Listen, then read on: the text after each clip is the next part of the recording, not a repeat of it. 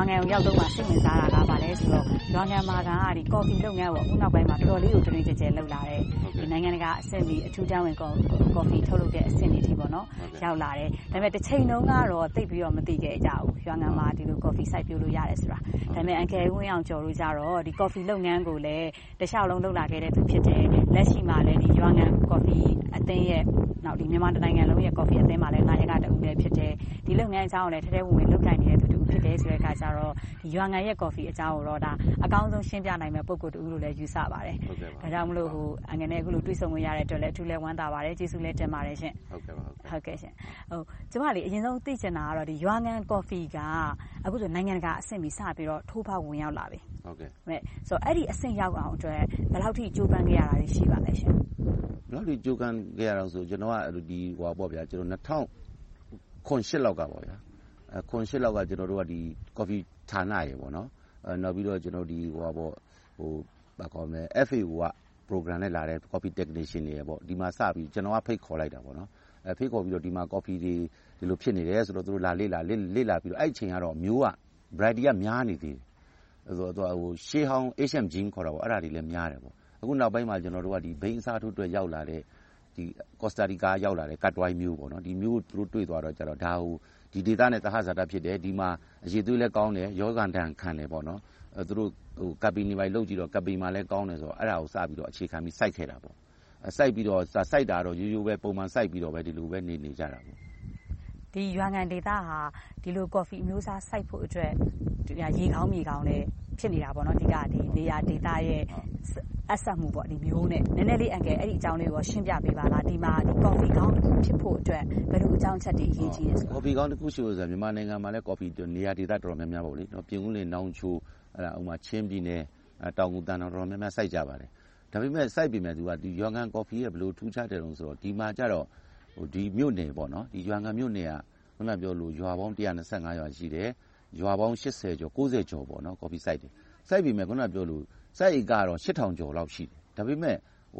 သိပ်ပြီးတော့ ခြံအကျယ်ကြီးတွေ မရှိဘူး။လေးငါးဧကထက် မပိုကြဘူး။ဘာဖြစ်လို့လဲဆိုတော့ တောင်သူငယ်လေးတွေ စိုက်ကြတာ။အရိပ်ပင်အောက်မှာ ထောပတ်တွေ၊ဒိန်ချဉ်းတွေအောက်မှာ စိုက်တယ်။သူတို့ မြေသြဇာ မကျွေးဘူး။အိမ်ထဲမှာ သဘာဝနွားချေးမြေသြဇာတွေနဲ့ သဘာဝအတိုင်း စိုက်ထားတာ။အဲဒါက တခြားကော်ဖီထက် ထူးခြားတဲ့အချက်တွေ။နောက်တခုကလဲ Sea Level ကလည်း လေးထောင်ကျော်တယ်။ နောက်တခုက မိုးရေချိန်ကလည်း နှစ်လောက်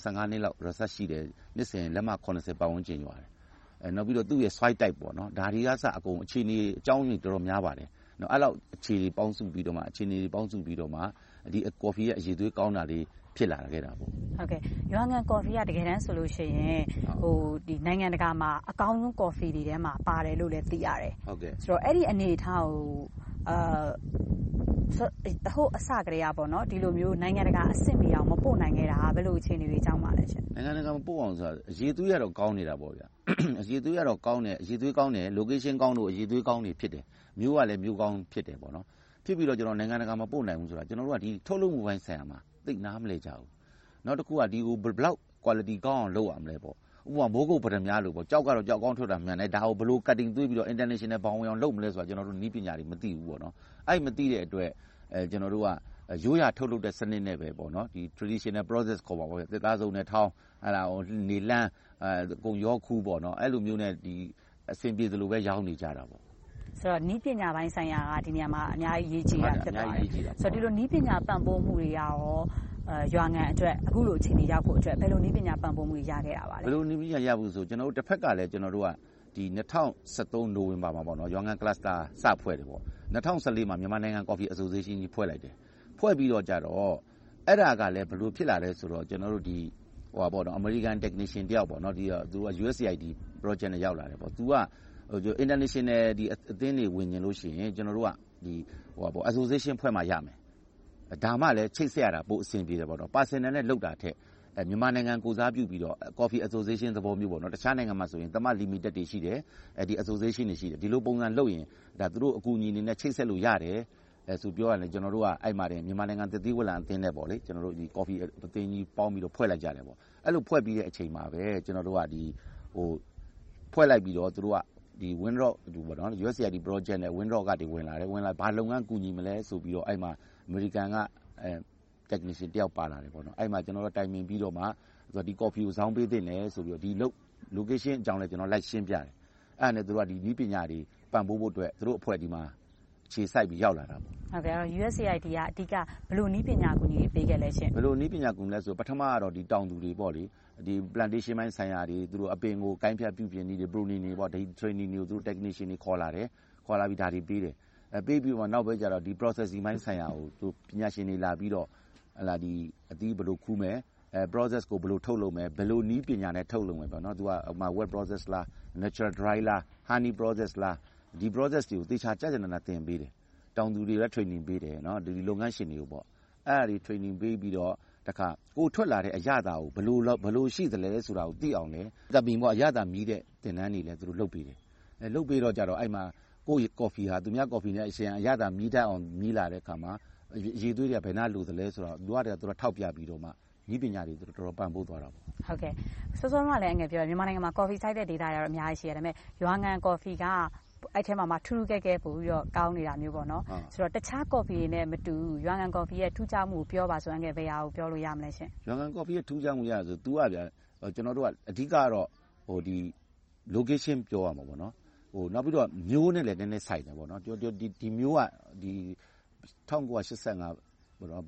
ဘိန်းအစားထိုးအတွက် ကော်စတာတီကာက သယ်လာတာ။သယ်လာတော့ ဒီမျိုးကလည်း Asian Gene ထဲမှာပါတာပေါ့။ရှေးဟောင်းမျိုးထဲမှာ။အဲဒါတစ်ကြောင်း။နောက်တစ်ခုက တခြားလို သစ်တောကြီးတွေကို အပြောင်ရှင်းပြီးတော့စိုက်တဲ့စနစ် မဟုတ်ဘူး။ရွာငံက။ကိုယ့်အိမ်ခြံလေးထဲမှာ ကိုယ့်တပိုင်တနိုင်လေးကို ထောပတ်တွေ၊ဒိန်းချည်းတွေ၊ပိနဲ္နပင်တွေကြားမှာ ကိုယ့်အိမ်ကရှိတဲ့ နွားချေးတွေနဲ့ ရရှိတဲ့ မြေသြဇာတွေနဲ့ သဘာဝအတိုင်း စိုက်ထားတဲ့အတွက် အဲဒါကိုက Organic ဖြစ်နေတာ။အဲဒီအရသာတွေက သူများထက် ပိုပြီးထူးခြားတာ။ကျမတို့လည်း အဲဒါကြားမိတယ်။ Organic Coffee ထုတ်လုပ်တဲ့ ဒေသတခုအဖြစ် သီးသန့်နေရာ ဖြစ်လာအောင် ကြိုးပမ်းနေတယ်လို့ ကြားတယ်။အဲဒါ ဟုတ်လား။မှန်ပါတယ်။အခုဆိုရင် ကျနော်တို့ ဒီစက်ရုံ ရွှေဝါငံကော်ဖီစက်ရုံကဒီမှာလာသွင်းနေတဲ့ တောင်သူ ကျော်လောက်ကအားလုံးက Control Union ရဲ့ Organic Certificate ရထားပြီးပြီ။နောက်ပြီးတော့ ရွှေတောင်သူဘက်ကလည်း အခုဆိုရင် ရွာငံမြို့နယ် ကော်ဖီအသင်းဥက္ကဋ္ဌ ဦးမောင်နုတို့သူတို့က တောင်သူနှစ်ရာကျော်နဲ့ ဧကနှစ်ရာကျော်သုံးရာလောက်ကို Organic Certificate တွေ လုပ်ပြီးကြပြီ။အဲဒီ Organic Certificate တွေကလည်း GIZ ရဲ့ အကူအညီနဲ့ Control Union ကလုပ်ပေးသွားတယ်။ တော်တော်များများ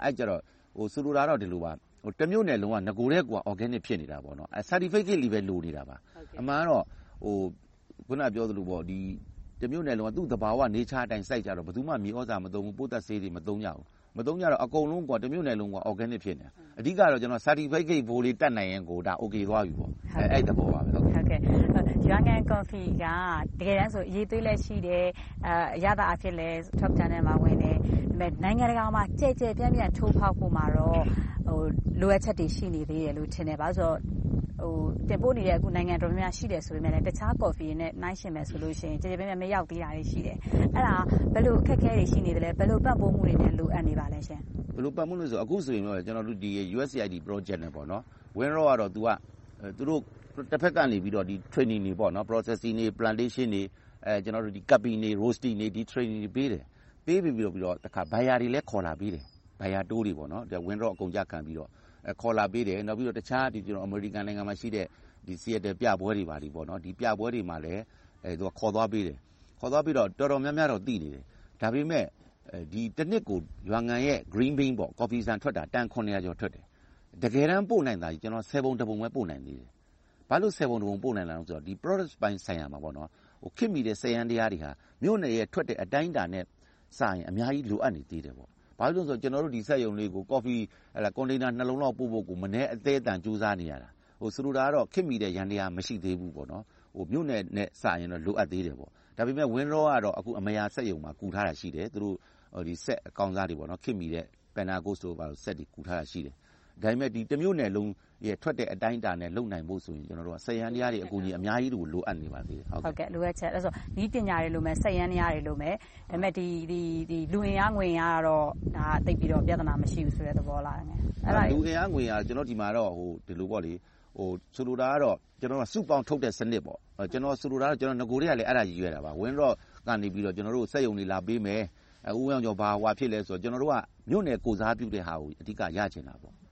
ဘာဖြစ်လို့လဲဆိုတော့ တောင်သူတွေအားလုံးကို Small Holder တွေကို Lift လုပ်ချင်တာ ကျနော် အသင်းရည်ရွယ်ချက်ကလည်း ဒါပါပဲ။တောင်သူတွေ ဝင်ငွေတိုးဖို့၊သူတို့ နည်းပညာတွေရဖို့၊ International မှာ ကိုယ့်ကော်ဖီလေး ပျံ့နှံ့ဖို့ဆိုတဲ့ ရည်ရွယ်ချက်တွေနဲ့ လာခဲ့တာ။လာခဲ့တာဆိုတော့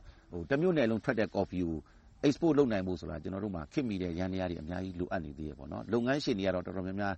လာကြပါတယ်။နောက်ပြီးတော့ အစိုးရ တခြားဌာနတွေကလည်း ချေးငွေတွေ ထုတ်ပေးနေတယ်။ အဲဒီလိုမျိုးတွေနဲ့ လုပ်လို့ရပါတယ်။အဓိကတော့ ကျနော်တို့က စက်ယန္တရားတွေ ကူညီမယ့်လူ လိုနေတာပေါ့။အခုလက်ရှိမှာ ရွာငံရဲ့ ကော်ဖီကို အဆင့်တန်း သတ်မှတ်မယ်ဆိုရင် ဘယ်အဆင့်မှာ ရောက်နေမလဲ။ဘယ်အဆင့်မှာ ရောက်နေလဲဆိုရင် ကျနော်တို့ကတော့ ကမ္ဘာ့အဆင့်မှာတော့ ထိပ်ဆုံးပိုင်း။ထိပ်ဆုံးပိုင်းဆိုတာ Top 10 လို့လည်း ပြောလို့ရပါတယ်။ဘာဖြစ်လို့လဲဆိုတော့ သူ့ရဲ့ Location, အရည်အသွေး၊သဘာဝအတိုင်း စိုက်တာတွေတော်တော်ကို ရှားပါးပါတယ်။ဘာဖြစ်လို့လဲဆိုတော့ ကမ္ဘာ့ World Market မှာတောင် ကျနော် သိသလောက်တော့ Organic Coffee ဆိုတာက1%ပဲ တင်ပို့နိုင်သေးတယ်။အဲဒါ Mexico က တင်ပို့တာ။အခုတော့ မြန်မာနိုင်ငံက Organic Coffee တွေ ပို့လာပြီဆိုရင်တော့ ကျနော်တို့က အခုနပြောတဲ့1%ထဲမှာအပါအဝင် ဖြစ်သွားပြီ။နောက် သတိထားမိတာ ဒီမှာပြောကြတာ သူ့ရဲ့ ကော်ဖီရဲ့ Flavor လေးတွေကအစ တခြံနဲ့တခြံ မတူဘူးလို့ ပြောတယ်။အဲဒါမတူဘူးဆိုတာ ဒီလိုကျနော်တို့က သူ့သဘာဝရိပ်တွေ သူ့ Soil ကြီးကို ဖျက်ဆီးပြစ်တာ မဟုတ်ဘူး။ထယ်ထိုးထွန်မွှေပြီးမှ သစ်တောကြီးရှင်းပြီးမှ စိုက်တာ မဟုတ်ဘူး။ သူ့သဘာဝသစ်တောတွေမှာသဘာဝအတိုင်းစိုက်တာ။စိုက်တာတော့ဒီကထောပတ်တွေ၊ပိနဲ္နတွေဒီကအမြစ်ချင်းရှက်နေတာ။ဒီ Taste တွေကဝင်တော့အဲဒီမှာ Fruity taste ချိုတဲ့အရသာတွေရလာတယ်။နောက်တခုကလဲသူ့ရဲ့အရိပ်တွေကလည်းလုံလောက်တဲ့အရိပ်တွေရှိတယ်။အဲဒီမှာအချိုဓါတ် Sweetness ဒါမျိုးလေးတွေကအစအကုန်လုံးကတော်တော်များများပြည့်စုံတယ်။ပြည့်စုံတော့သူက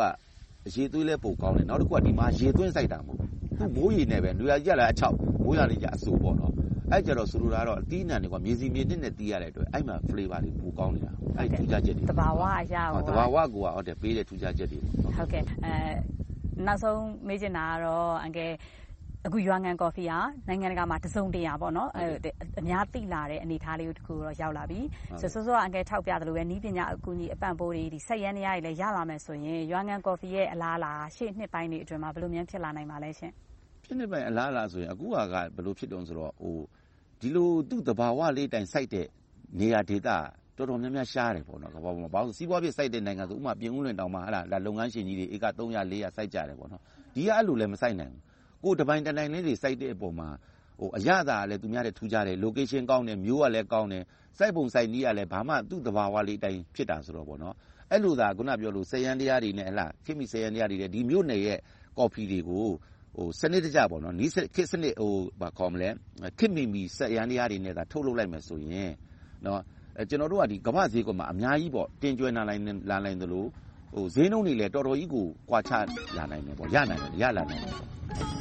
ကျေးဇူးအများကြီးတင်ပါတယ်ရှင့်။ကျနော်လည်း ကျေးဇူးတင်ပါတယ်